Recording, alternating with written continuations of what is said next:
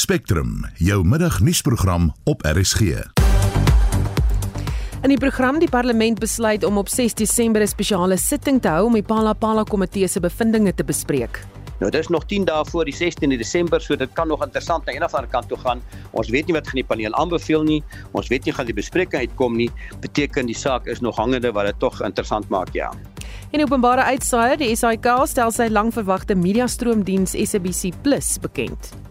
And now started the streaming revolution which SABC Plus is bringing now to South Africa, which is amazing because consumers will be able to watch the TV on the TV the app and they will be able to watch the games and great other content that SABC brings to consumers. It's all free. Welkom by Spectrum, die span is Hendrik Martin, Johan Pieterse en ek is Susan Paxton.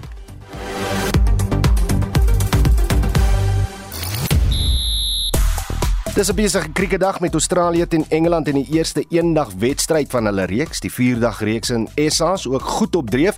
Bafana Bafana en die Suid-Afrikaanse A rugby span vanaand in aksie en is naamlik Novak Djokovic het sy visum, hy sal dan aan die Australiese Ope kan deelneem. Al die besonderhede net na 12:30. Hitsmerk Sandton is baie gewild.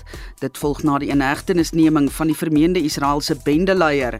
Gebruikers sê terwyl die minister van polisie besig is om voetsoldate te vang, is Interpol besig om die poppemeesters vas te trek. 'n Ander gebruiker sê agter die hoë mure van die luukse woonbuurt skuil daar nog talle ander misdadigers en Suid-Afrika is die skuilplek van internasionale syndikaatleiers. Nou ja, die bekroonde Hollywood aktrise Charlize Theron het talle mense die hoenders ingemaak omdat sy sê Afrikaans is 'n sterwende taal.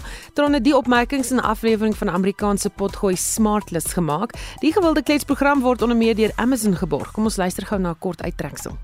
Oei, jare broer, ons moet dan dit weg. I know it's terrible. It's a very difficult accent to Yeah. do, South African. Very, very difficult. Ah, I So see, I Afrikaans see, I is a completely different language. It's not. It's not Yeah. a. It's not a. Yeah. Oh. A severity Yeah, of it's accent. it's Yeah. yeah. This is new information for you. um, Wow. it, it is a combination. There's about 44 people still speaking it. It's definitely a dying language. It's not a very helpful language. Do we know what it is a combination of? Nou ja, daarna volg 'n gesprek oor die oorsprong van Afrikaans en hoe Charlize uiteindelik in Hollywood beland het. Maar daar is baie ander mense wat Tron, wat 'n invloedryke persoon is, se sentiment beamoen en voel Afrikaans moet afgeskan word. Of dalk sit jy self daar uh, deur in die vreemde en besef hoe min waarde Afrikaans miskien in 'n plek soos Panama of buite Mongolië het. Maar wat is jou mening? Praat 'n bietjie saam vanmiddag. Stuur vir ons 'n SMS of uh, praat saam op die Monitor en Spectrum Facebook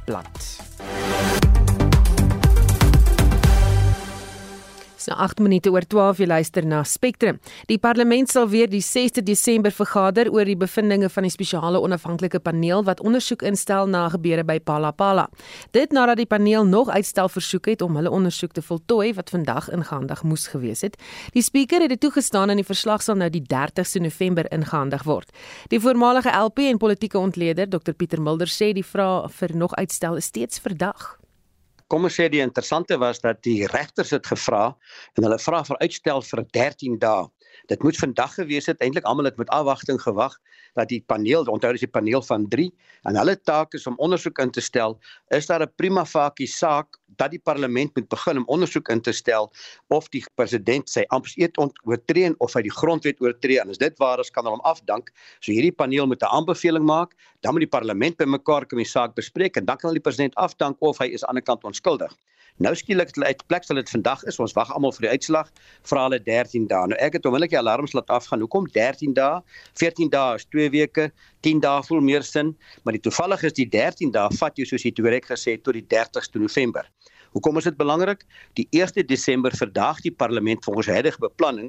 Dit beteken die parlement gaan nie die saak kan bespreek nie en vir die oppositie is dit uit die aard van die saak onaanvaarbaar en dit lyk letterlik of die ANC vir tyd speel om die president geleentheid te gee om die kongres te haal daarom dat die 16de Desember begin dat hy verkies kan word want as daar 'n vraagteken oor hom is, kan sy eie een kan staan reël om uitknikker.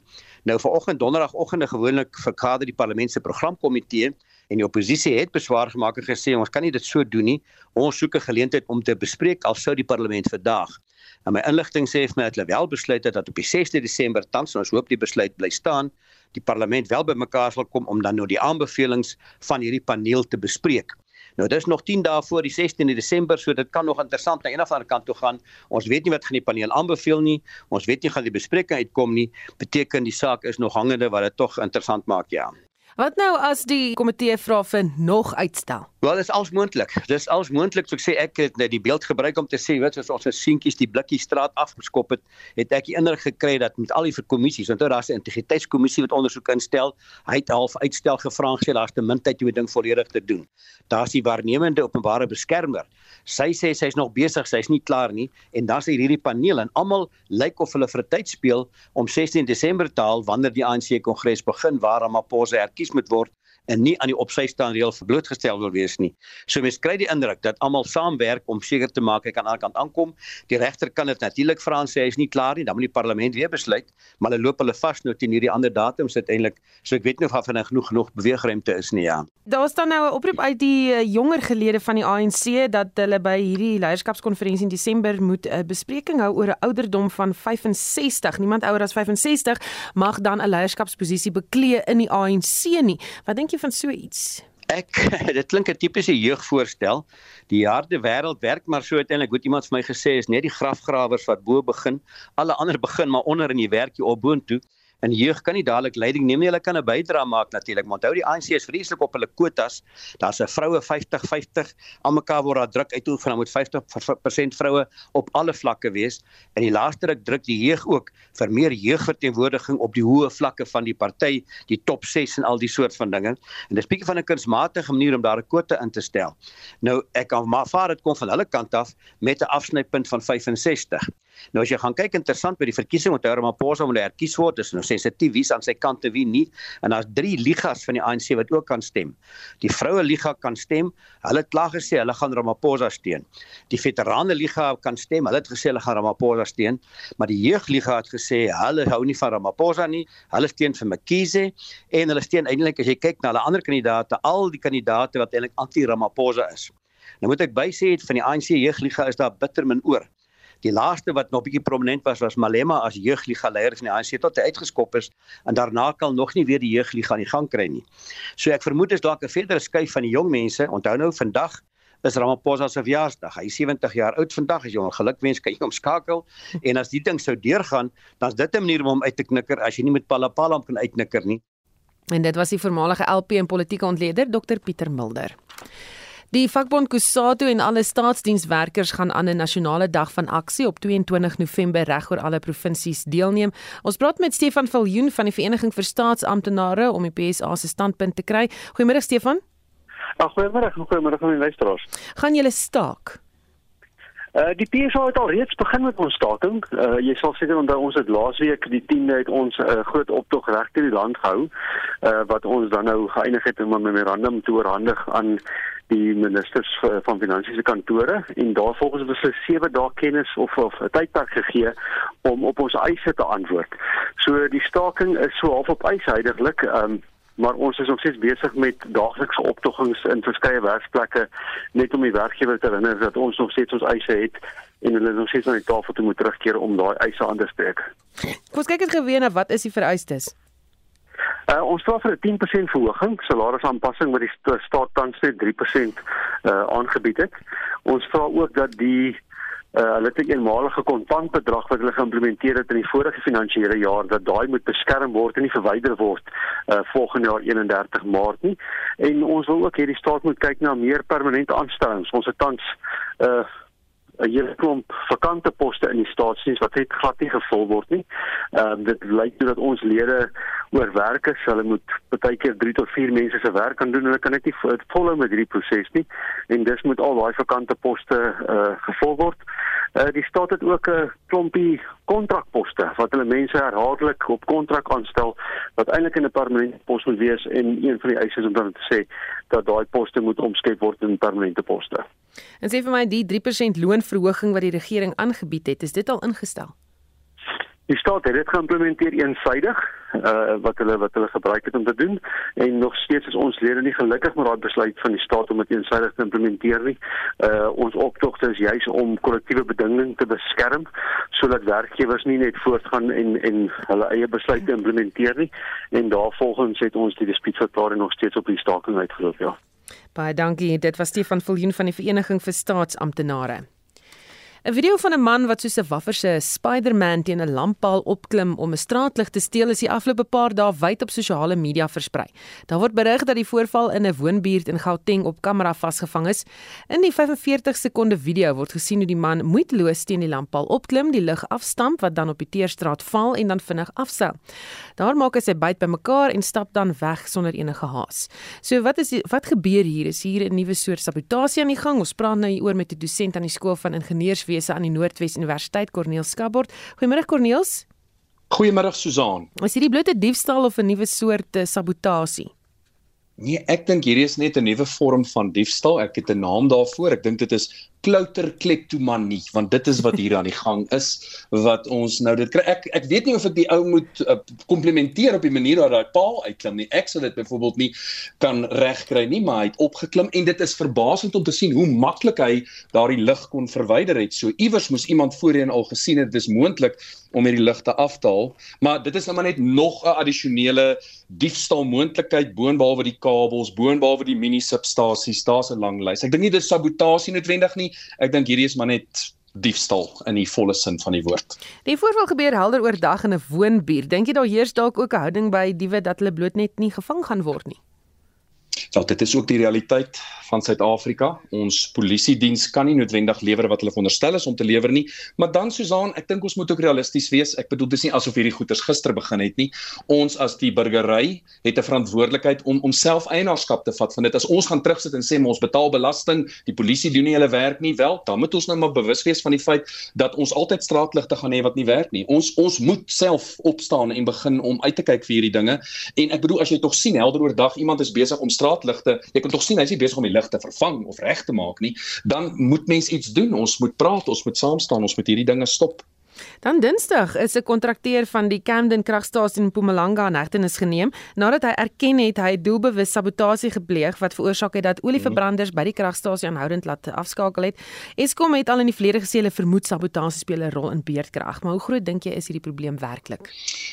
Wel, die positief hieraan is hier is 'n daadwerklike voorbeeld waar ons kan sien dit gebeur. Eskom het altyd gesê dit gebeur en ek glo hulle, dis net moeilik om daai voorbeelde te kry. So hier is 'n voorbeeld van wat dit gebeur het. Ek bedoel, ruk terug was daar ook, ek dink dit was by Kusile wat 'n uh, trokdrywers met steenkool wegry van die steenkoolkragstasie af. So dit is goed dat die net begin toemaak, maar ek is eerlik as ek vir jou sê, hier's 'n groter netwerk van sabotasie en diefstal wat plaasvind en sekere individue is nie baie lief hiervoor nie en ek dink dit is hoekom baie min mense in die diefstalkringe lief is vir iemand soos Andre de Ruyter et al en gevolglik ek ek ek ek's bly dat hierdie dinge moet gebeur, maar ek sal net sê gegeewe die impak van beurtkrag as gevolg van iets so sabotasie, dan moet meer geld bewillig word om hierdie diewe vas te te trek en om op te tree teen hierdie kontrakteurs wat dan skuldig is aan hierdie sabotasie. As ons net vinnig kyk na beurtkrag, dis 5 weke voor Kersfees. Wat dink jy is die vooruitskouing? Ek dink ons toekoms is opgesluit in die naam Kersfees. Kerse is ons voorland. Susan, ek ek's met jou baie eerlik. As ons vat uh Jan Oberholz het dit hierdie week gesê, die diesel is op, ons kan nie, die geld is op. Uh die munisipaliteite skuld 52 miljoen rand, hulle gaan nie betaal nie. Slegte nuus daarbey, 8 Desember sit Kuiberg eenheid 1 af. Twee eenhede van Kusile is uit vir 'n onbepaalde tyd. Medupi het daai groot ontploffing gehad in 2021. Daai eenheid is uit tot September 24. Ons praat as ek net vinnig hierdie som maak, daai is 1403. Ons praat van 2.5 3 fases beerdkrag wat ons net kry as gevolg van hierdie. So feit van die saak is Kersfees is ons voorland Susan. Baie dankie het gepraat met die dosent aan die departement van ingenieurswese aan die Noordwes Universiteit Corneel Skabort. Hy is van mening dat die uh, beerdkrag se die Kers terug in Kersfees. Die Senzo Mejia moordvoor het vanoggend in die Hooggeregshof in Pretoria hervat met die kruisondervraging van die staatsgetuie Tumelo Matlala. Hy's 'n vriend uit Mejia se kinderdae en was in die huis van Mejia se voormalige vriendin Kelly Kumalo teenwoordig waar Mejia in 2014 tydens 'n beweerde rooftog doodgeskiet is. Ons praat nou met ons verslaggewer wat die hofverrigtinge dophou, Pumzile Mlangeni. Good afternoon Pumzile afternoon, Sudan. The court adjourned yesterday afternoon after Madlala complained that he was harassed by the media due to broadcasters showing his face. This was despite a court ruling that the media should refrain from doing so. Did the media adhere to the court ruling today?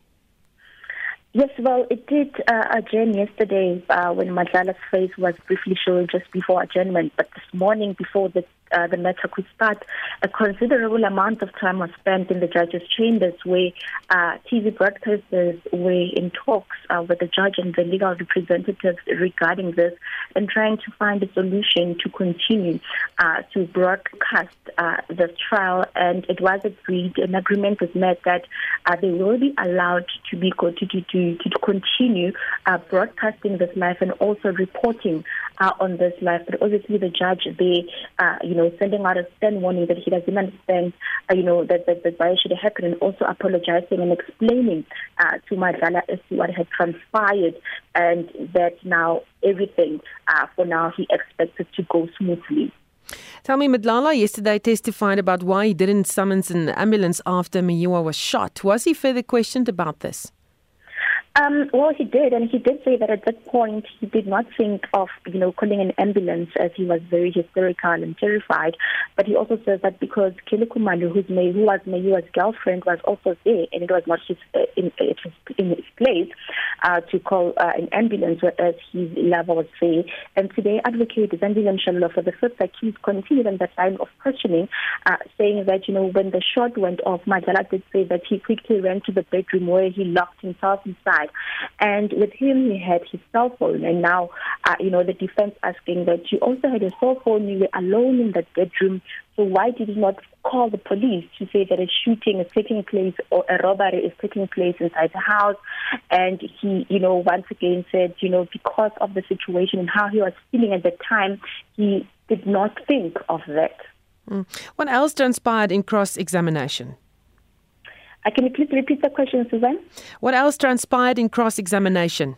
Well, uh, what we had again from uh, the, the, the, the, the defense is questioning him on the entrance of the bullet because uh, she did bring out a medical report where it says that it, he was, he was uh, shot at the front on the chest. And with Madlala's uh, explanation is that those alleged intruders came in and the gunmen went into the lounge where everyone was seated. That is when Senzo stood up and he was fighting uh, another assailant in the kitchen. So what Msholola was putting to him was if uh, if Meyiwa was in the kitchen and the gunman was in the lounge, then I mean he possibly could have not been shot in the front, but the wound was supposed to have come from the back, as you know the other one was in the lounge and now in the kitchen. Uh, but the state objected to that, saying that it's a very technical question and only an expert can come and clarify that, which you know is also in the, in the line of witnesses that the state is set to bring. Uh, so basically, that what she was trying to get at that it did not make sense to her that the wound was from the front and not the back. Has the state indicated who the next state witness will be? Well, the state is keeping its cards close to the chest. They did mention that, you know, due to safety and security issues, they will not divulge the name of the witnesses, uh, you know, but we do understand that the next witness will also be uh, amongst those who were in the house where remember there were quite a number of adults in the house where the incident happened. It could be another of Meiba's friend that is in Togozi Titwala or, you know, the mother, Kelly Kumalo's mother or even uh, Kelly Kumalo herself. But we do not know at this stage as to who the state will bring. Uh, we will get to know that once this cross-examination of Twala has wrapped up. Baie dankie het gepraat met ons verslaggewer by die Senzo Mjiwa moordvoer, Pumzile Mlangeni. Die SAIK het in vennootskap met die tegnologiemaatskappy Hisense en sy Vida Smart TV's afdeling die uitsaier se langverwagte mediastroomdiens SABC Plus vanoggend bekend gestel. Dit word op die vooraand van die sokker wêreldbeker toernooi gedoen. Kom ons luister wat die direkteur van Vida, Guy Edri te sê het. We think this is the revolution that is happening now. Content becomes the center of the TV. If mm. in the past it was just about picture quality, mm. now it's the quality of the content. And this thing is changing the way people consume content on TV, and it's a huge event because of mm. the World Cup, which is the most watched event in the world. In reality, there's no bigger event than mm. World Cup. So bringing those 29 games live to the big screen, just through streaming, mm. that's something that really will change, I think, the mm. landscape of broadcasting here in South Africa. Nou ons praat ons met ons verslaggewer wat vanoggend se funksie bygewoon het, Sasha Naidu. Uh, good afternoon, Sasha.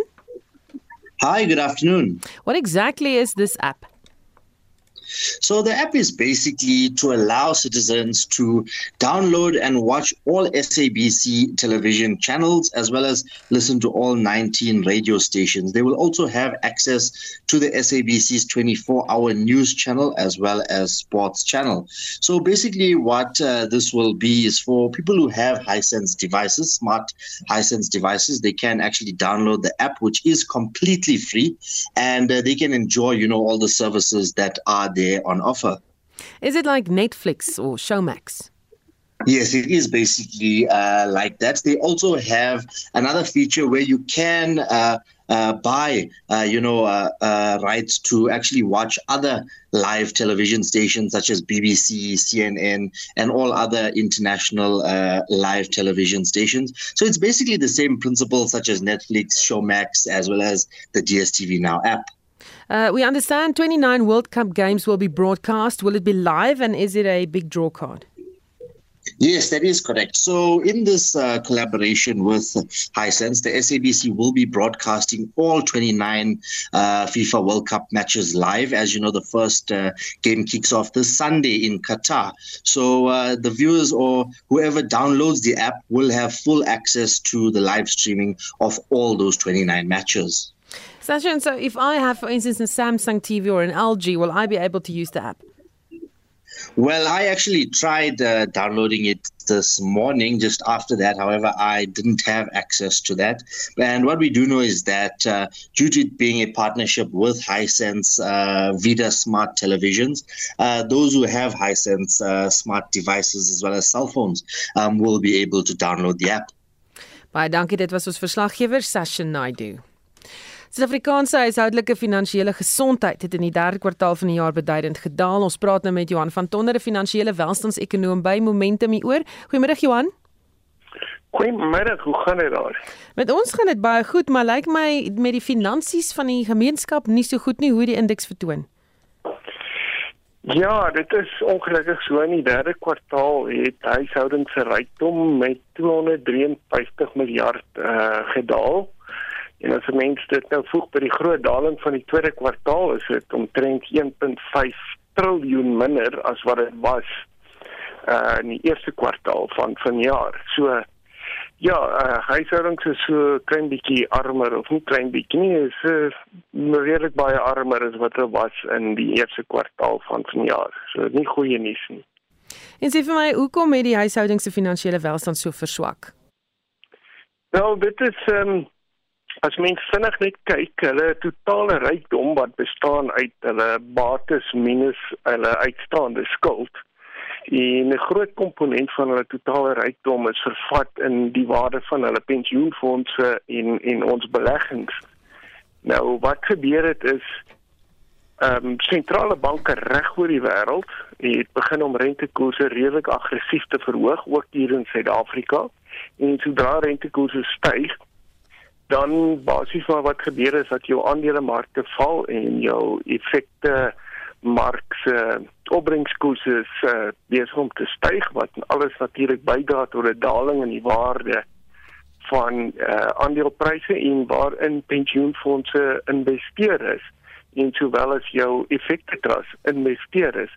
En dis die grootste daling is daardie stygings in rentekoerse plus dan die vooruitsig van 'n resessie in groot dele van die wêreld en dit alles is dan vervat in daardie daling in die waarde van welvaart of oftewel rykdom dan van huishoudings. Dis dis die hoofrede. Hmm. Nou Statistiek Suid-Afrika het ook vanoggend aangekondig dat daar 11,1% meer skuldbevele uitgereik is in die derde kwartaal van 2022 en dis nou teenoor verlede jaar. Onderstreep dit julle bevindinge oor huishoudinge se finansiële welstand en leef mense dan op skuld? Ja, ongelukkig. Dit gaan baie moeilik. Ehm um, wat gebeur het ook is dat die inflasiekoers redelik sterk gestyg het vir eintlik alle inkomste groepe. En wanneer jou inflasiekoers styg en jou salaris styg nie saam met die inflasiekoers nie, wat dan gebeur is dat baie meer huishoudings wentel tot skuld en of die ander ding is hulle kan nie hulle skuld van die verlede terugbetaal nie met die gevolg dis waarom jy dan ook die stygings kry in daai skuldbeslagleggings bevele is is baie te doen met uh, die verlede en die die stygings en veral die petrolpryse en jou voedselpryse wat ons gesien het in die eerste tweede en derde kwartaal van vanjaar wat wat dit baie moeilik gemaak het vir huishoudings. Hmm. En mense kry ek neem nou nou aan nie gespaar nie.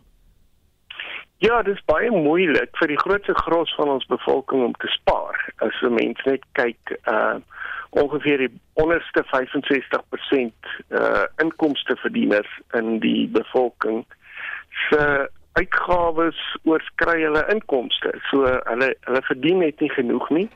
En net om 'n bestaan te maak, bestee hulle meer en om meer te kan bestee, moet hulle leen. So dis basies jou boonste 35% van die bevolking wat kan spaar. So dis baie baie moeilik vir Suid-Afrikaanse huishoudings om te spaar in 'n pensioenfonds of 'n belegging of wat watter manier ook al. Baie dankie. Dit was Johan van Tonder, 'n finansiële welstandsekonoom by Momentum. Jy luister na Spectrum. Elke weekmiddag tussen 12 en 1.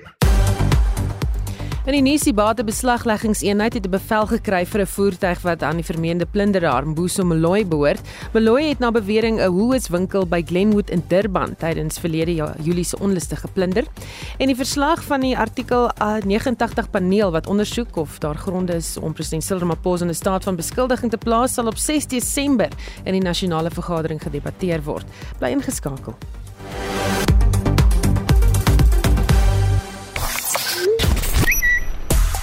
Hitsmerk Ramaphosa 70 is op die lys van gewilde onderwerpe.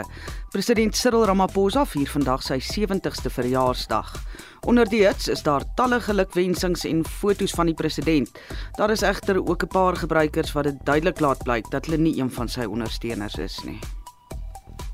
Nou ja, ons gesels natuurlik oor uh, Afrikaans en wat Charlize Tron gesê het, maar voor ons daarby kom, uh, iemand anders wat SMS en sê Marita, haar naam sê, "Eskom los al ons Kersgeskenk probleme op. Flitsligte, kersligte of kersies, vierhoutjies, braaihout en gasbottels gaan handige geskenke maak," sê sy.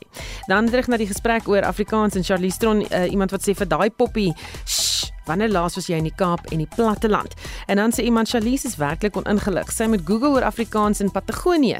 Na ABO of ABO in 1902 uh, het net meer as 600 Afrikaners soontoe geëmigreer. Daar lees mense oor hoe Afrikaans onder daardie jonges herleef oral in die wêreld, selfs in Rusland word aanlyn klasse in Afrikaans gedoen. Afrikaans is maklik verstaanbaar deur Nederlanders en ander lande waar Nederlands gepraat word. Dis Hetta wat so sê.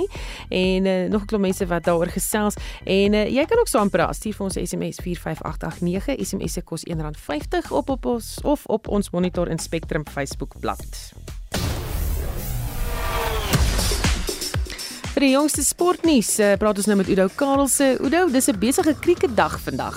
Inderdaad Susan, uh, ons kyk nou eers na die uh, eerste enig wedstryd in Australië. Dis nou teen Engeland. Engeland eers gekol vanoggend. Hulle het herstel van 66 vir die verlies van 4 paaltjies na 287 vir die verlies van 9 paaltjies in hulle 50 balbeurte. Dan sy sprankelende honderdtaal deur die oud oud uh, Parel seuns hoor leerling David Malan sy 134 van 128 balle met 12 vure en 4 sesse. Australië tans 240 vir die verlies van 3 paaltjies en uh, Steven Smith hy's voor die penne met 'n uh, 50 taal 52 van 58 balle. So Australië in 'n baie gemaklike posisie hier.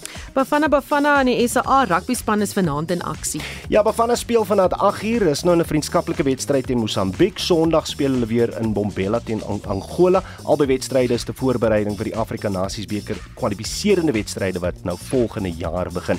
Die SA span ook vanaand in aksie teen die Bristol Bears. Afrigter van die span, Zwandile Stick het vyf veranderinge aangekondig vir die span wat verlede week 28-14 teen Munster verloor het. Sashim Gomezulu neem die 10 try oor by Johan Gosen Apelele Fassi.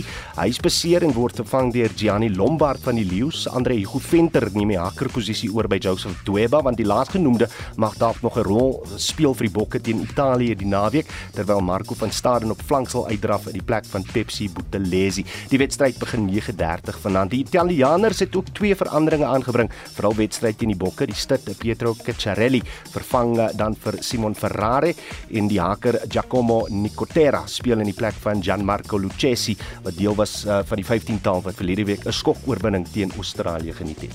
Ons gister berig oor Novak Djokovic en uh, om aan dat hy weer aan die Australiese Ope kan deelneem. Watter nuus het jy vandag?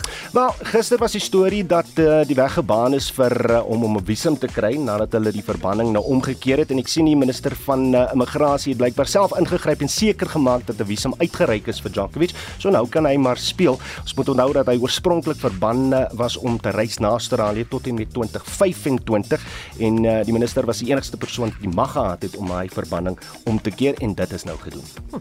En dan is daar ook golf aan die gang. Ja, as die eerste ronde van die wêreldtoer kampioenskap by die Jumeirah Golfbaan in Dubai, Engelsman Tyrrell Hatton loop voor met 6 onderbaan syfer. Alex Noren en uh, die ander Engelsman Matt uh, Matt Fitzpatrick gesamentlik tweede op 5 onderbaan syfer. Oliver Becker is gesamentlik in uh, 21ste plek op 1 onderbaan syfer. Hy's een van twee Suid-Afrikaners wat in die veld is. Die ander een Tristan Lawrence hy's in gesamentlike 34ste plek op 1 oorbaan syfer. En dit was Udo Karelse.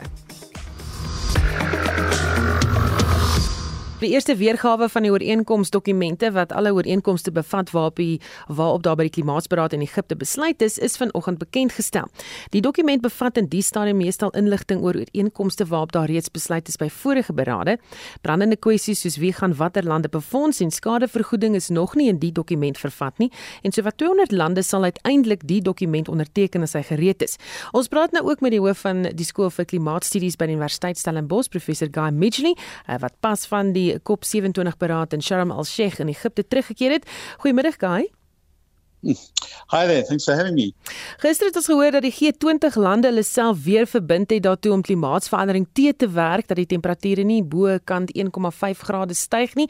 Wat dink jy daarvan? Um I'm going to answer in English, sorry.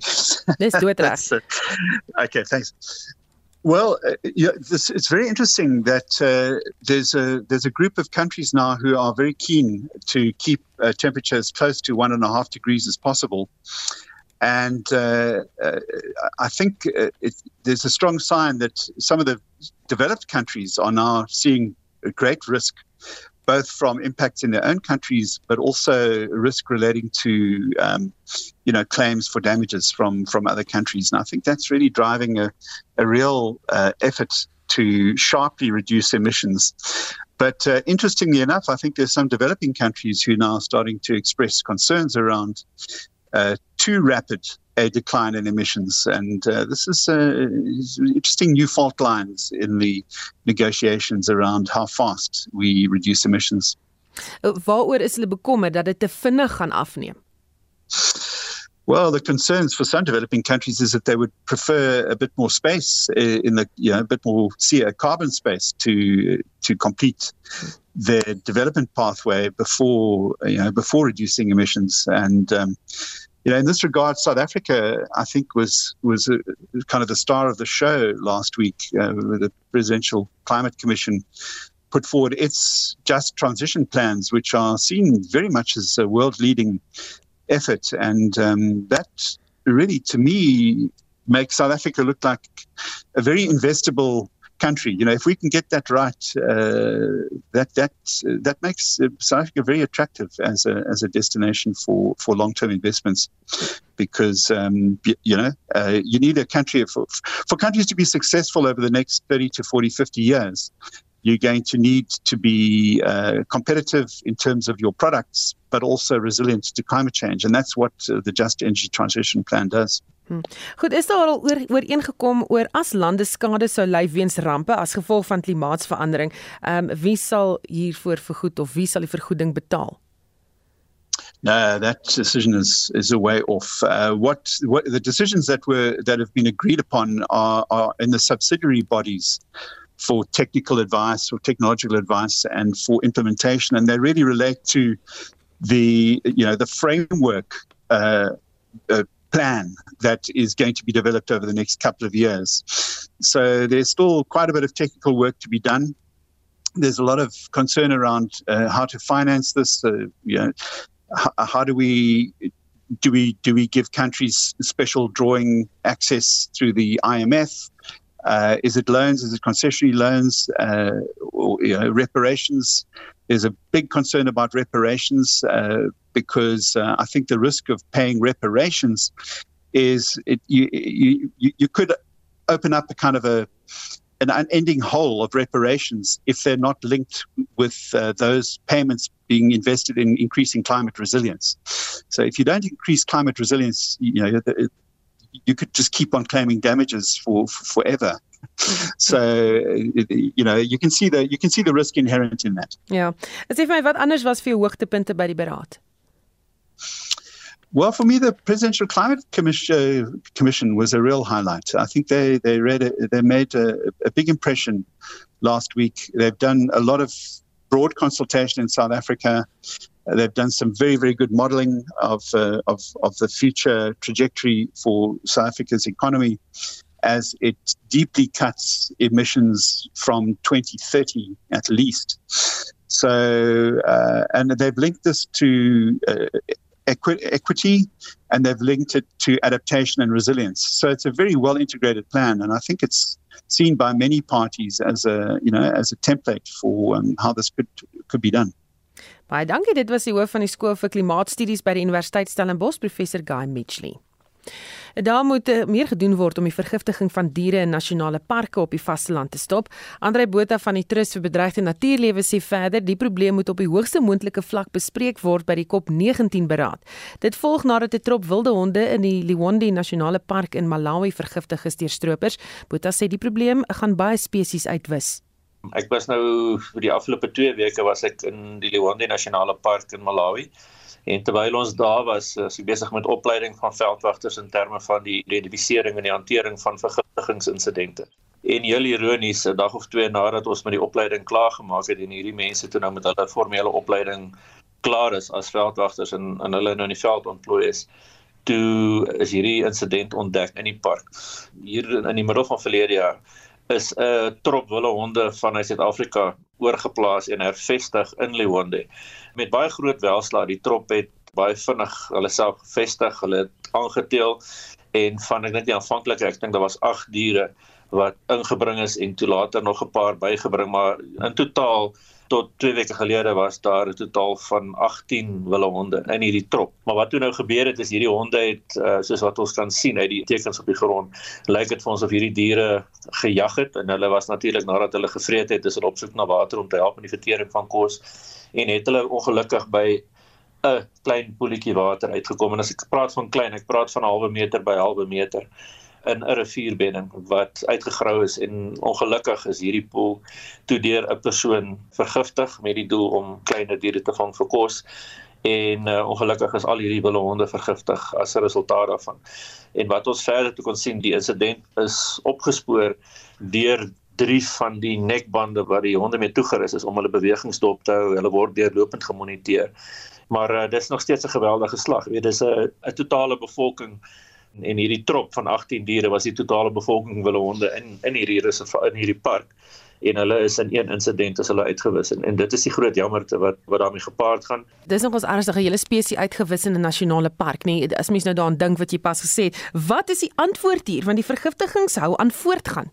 Ja, dit is 'n dis 'n baie moeilike ding om aan te spreek uh, oor die Afrika landskap. Jy weet, hierdie gifstowwe is hoofsaaklik maar word hoofsaaklik gebruik in die landbou en ek weet jy spesifiek het nou redelik in Afrika gereis en jy weet, ek meen mense is geweldig afhanklik van die gewasse wat hulle verbou en hulle vertrou op van hierdie gifstowwe om te help om hulle oes te bevorder en en groter oeste te verkry en so aan. Hierdie gifstowwe is baie maklik verkrygbaar. Um, ons het 'n jaar of twee gelede het ons 'n tipe van 'n steekproef gedoen in Zambië en in Malawi. So aan en weet jy kan jy kan van hierdie gifstowwe wat wyd gebruik word, maar wat uiters dodelik is vir die omgewing vir diere, vir aasvoëls en so aan, kan jy vir baie min geld kan jy gaan koop. Daar's bitter min regulasie en beheer. Is hierdie 'n kwessie van diere vergiftig sodat hulle, jy weet, of geëet kan word of die dele vermoed kan verkoop word of wat ook al daarmee gebeur? Is dit iets wat dalk, jy weet, baie meer bespreek moet word op 'n internasionale vlak soos byvoorbeeld uh, COP19? Ja, die goeie nuus is ons ons het 'n uh, afvaardiging wat op die oomblik by COP19 is in Panama en wat onder andere spesifiek hierdie tipe van probleem aanspreek. En ek dink jy weet die die wille honde is nou 'n uitsonderlike geval in in Luwande, maar jy weet die die gebruik van gif vir die jag van diere vir vir hierdie verskillende gebruike of dit 'n tradisionele geloof is of het sy of dit kos is en so aan dit dit is 'n baie wyeer probleem en 'n baie groter probleem onder andere in Wes-Afrika. So daar is 'n afvaardiging op die oomblik daar en daar is 'n spesifieke geleentheid wat ons op die agenda gereël het om te praat oor hierdie bedreiging. Dit was Andre Botha van die Trust vir Bedreigde Natuurlewe. Die hoof van die nasionale vervolgingsgesag, Shamila Batoyi, sê die land is nie besig om die stryd teen georganiseerde misdaad te wen nie. Batoyi het saam met die hoofde van die Valke en die spesiale ondersoekeenheid vir die parlement se staande komitee oor openbare rekeninge verskyn. Hulle het die komitee op hoogte gebring oor die vordering wat gemaak word met ondersoeke na korrupsie by staatsinstellings. Celine Merrington doen verslag. Wetstoepassingsagentskappe is besig met 34 sake by staatsbeheerde entiteite ter waarde van byna 1.5 miljard rand. Lede van die komitee soos Veronica Mente en Bernice Swarts het gevra oor syndikaate binne sommige van die entiteite. Prasa has collapsed altogether. And there is a syndicate in Prasa because cables can't just be stolen for a mere 100 rand here and the 300 rand there and the 5,000 there. There is a bigger company that is buying this cable. And if we are not dealing with the Prasa things and putting all the resources into pinning down who exactly is buying this cable, because these cables are not disappearing for a smaller fish, there is a bigger fish. It's never one person, ultimately. So we're waiting for a day to see. I mean, at ESCOM and all these other cases, surely there can't be one person involved and you go and get assets back because for us to curb this, we really need to deal with the syndicate sort of operation that we have at SOEs because it does not start and end with one person. Die hoof van die NVG, Shamila Batoy, sê die land is besig om die stryd teen georganiseerde misdaad te verloor. This is a serious problem in our country. The DPCI and General Labia are trying to do a lot in this regard, but we have serious problems. I think we have to realize that if we don't start thinking about very, very high level strategies to deal with those that are the organized criminals. We have serious problems regarding organized crime in our country. And we're not winning the battle. So we really need to look at what policies can government actually put in place that helps law enforcement to do its work. Because there's serious challenges and our country is on a bit of a, I think I'm being diplomatic, slippery slope when it comes to organized crime. There's a lot of work that needs to be done there. En sy voeg by dat die nodige vaardighede in wetstoepassing tekort. I think in the context of corruption, I think we mustn't forget about where we come from as a country in terms of fighting corruption. And it's been the depletion of all of the skills and what happened in the past, and both in the DPCI and the NPA. You know, you need to build these capacities first before you can do this. Dit was die hoof van die NVG, Shamila Batoy, Zelene Merrington, Parlement. Die sakenuus word aangebied deur Chris Weemeyer, portefeuljebestuurder by PSG Wealth Pretoria. Oos, goeiemiddag Chris. Goeiemiddag Susan. Uh, vandag uh, mat uh, dobber dobber maar rond hier rondom 0. Die algehele indeks staan so 29 punte laer, dis 0.04 van 'n persent laer op 72578. Sal die randverskansingsaandele wat goed vertoon met die rand wat uh, swak neig. Die algehele in die of die nywerheidsindeks staan 0,2% laer, finansiëel nog 1% hoër en en en hulpbronne tans 0,2% sterker. So nie 'n te besige dag nie. Ons het heelwat maatskappye resultate en opdaterings gehad. Uh Investec het vanoggend laat weet dat ehm um, hulle syfers vir die 6 uh, maande tot einde September het hulle wesensverdienste met 25% gestyg en hulle gaan ook 350 miljoen pond se aandele terugkoop. Hulle het hulle dividend verhoog van 11 pennies na 13.5 pennies toe. Maar die aandelepryse het nou die laaste tyd 'n baie sterk loopie gehad. So 'n bietjie winsneming vandag op Investec so 1,4% laer op R94.32 en dan het uh, het net net ook voor gewaarsku dat uh, dat hulle verdienste ehm um, die tussen 19 32% hoër gaan wees en sy prys tans uh, so R14.30 2 sent hoër en dan 'n uh, Lifecare ook vandag met resultate uitgebring. Uh net die inkomste het met uh, 13% gedaal. Hulle kla op bietjie oor oor inflasie in in, in Brittanje met hulle besighede daar.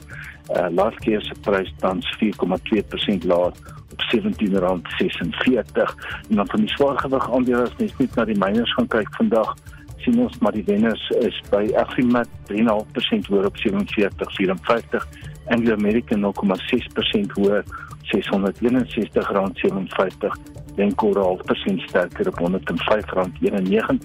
en Sasol nou onveranderd hier op R299.59 dan uh, van die randverskansers wat goed vertoon in dit Bush 1,4% sterker British American Tobacco 1,7% hoër en Bidcorp 1,25% sterker. Markte in Europa is maar gemeng. In Londen is die FTSE nou 0,4% laer Frankfurt die DAX uh, 0,2% hoër en in Parys is die kyk nou 0,6% laer. Uh die rand soos ek gesê het, maar swak teenoor die euro nou of teenoor die dollar nou op R17.48, euro nou op R18.8 en 'n pond op R20.72.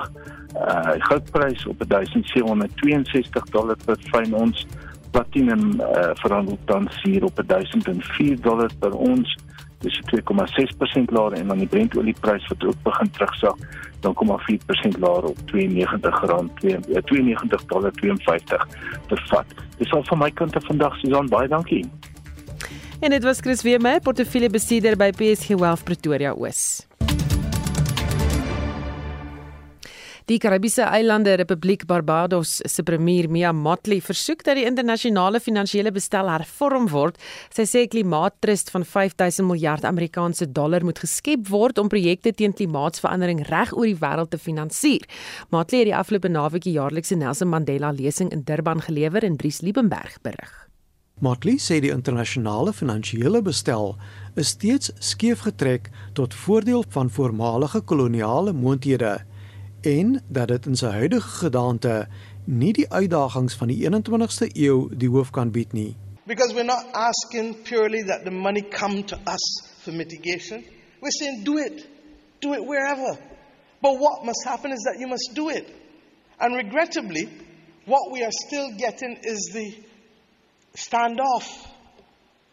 And the standoff comes because mankind is so consumed with the geopolitics of today's world that we are forgetting the reality of the planet on which we live.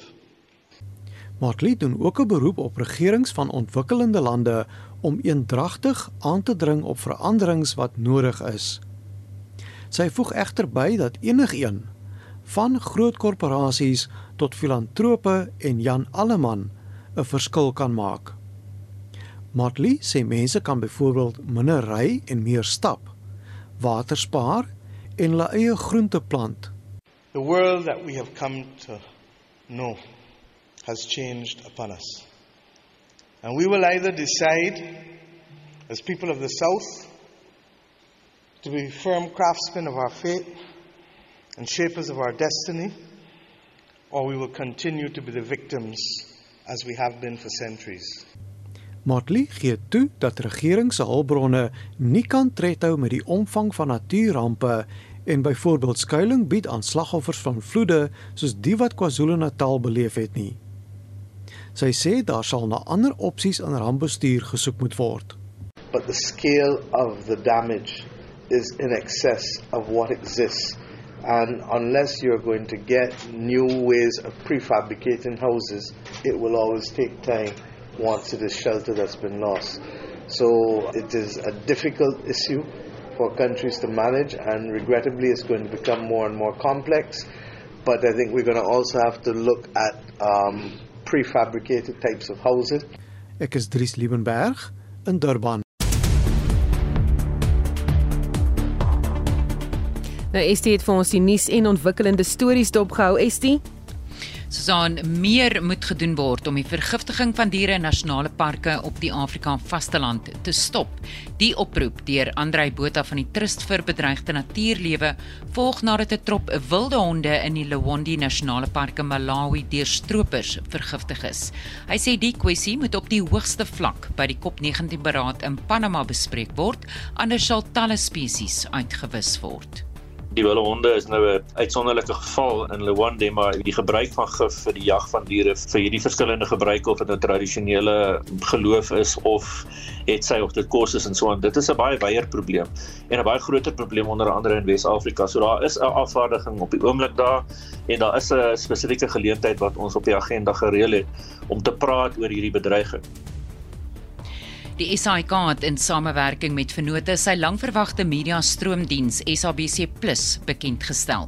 Die aanlyn stromingstoepassing sal die beste diens verskaf wat die openbare uitsaaier het om te bied, insluitend 19 radiostasies, 3 gratis TV-stasies, die SAIK sportkanaal, die SAIK se 24-uur nuuskanaal en 'n verskeidenheid plaaslike en internasionale inhoud. Die SAIK se groepsbestuurshoof Madoda Akwe sê SAIK Plus lei 'n nuwe digitale era in vir die openbare uitsaaier. This is a great milestone for the SABC, and I think it's great also for audiences. It's interactive, the platform. They can use it in the manner that they can to be able to view all our content, whether you're talking radio, television, drama, and all of the great content that we have. In internasionale nuus sê die bestuurende direkteur van die internasionale monetêre fonds, Kristalina Georgieva, by die G20 beraad in Bali gesê, die vergadering tussen president Joe Biden van die FSA en Xi Jinping van China is 'n goeie aanduiding dat spanning tussen die wêreld se twee grootste ekonomiese lande kan bedaar. Apparently, the side meetings, all side meetings have been very constructive, and particularly the one between the presidents of the United States and China, very significant message to the world that international cooperation is important for all of us. Die G20-beraad in Bali het gister ten einde geloop. President Cyril Ramaphosa, wat vandag sy 70ste verjaarsdag vier, het Suid-Afrika daar verteenwoordig. En in Brandpunt om kwart voor 6 vanmiddag berig ons onder meer oor 'n beloning van R20000 wat uitgeloof is na die verdwyning van 'n jong man in Mpumalanga 'n week gelede. En dit was Essie met 'n oorsig van die nuus en ontwikkelende stories. Ons praat vandag oor die bekroonde Hollywood aktrise Charlize Theron wat talle mense kwaad gemaak het omdat sy sê Afrikaans is 'n sterwende taal. Theron het die opmerkings in 'n aflewering van Amerikaanse potgooi 'n smartless gemaak en ek glo mense wat daarop reageer op die SMS-lyn. Um, iemand wat sê ek stem nie saam nie, ek is baie lief vir Afrikaans en doen baie moeite en sit werk in en is entoesiasties daaroor as ander mense wat dit ook so doen. Julle ou kollega Hendrik Weingart is byvoorbeeld so iemand. En dan nog iemand wat sê ek wonder wanneer laas was Charlene in Dubai daar in 'n winkelsentrum of 'n inkopiesentrum. Daar kan mens by sekere winkels die huisgenoot koop. Dis Lisa van Sekunda wat uh, so sê. En nog iemand wat sê sy het die land verlaat, dis haar keuse. Ons wat in Suid-Afrika agtergebly het, is trots op ons Afrikaanse taal. Dis Ria van Sail van Brakpan wat so sê. Nou ja, daarmee groet ons onthou vir brandpunt vanmiddag en uh, ons uh, Spectrum uitvoerende regisseur vandag Nicoline de Wee, ons redakteur was Hendrik Martin en ons produksieregisseur was Johan Pieterse. My naam is Susan Paxton. Onthou 360 net hierna.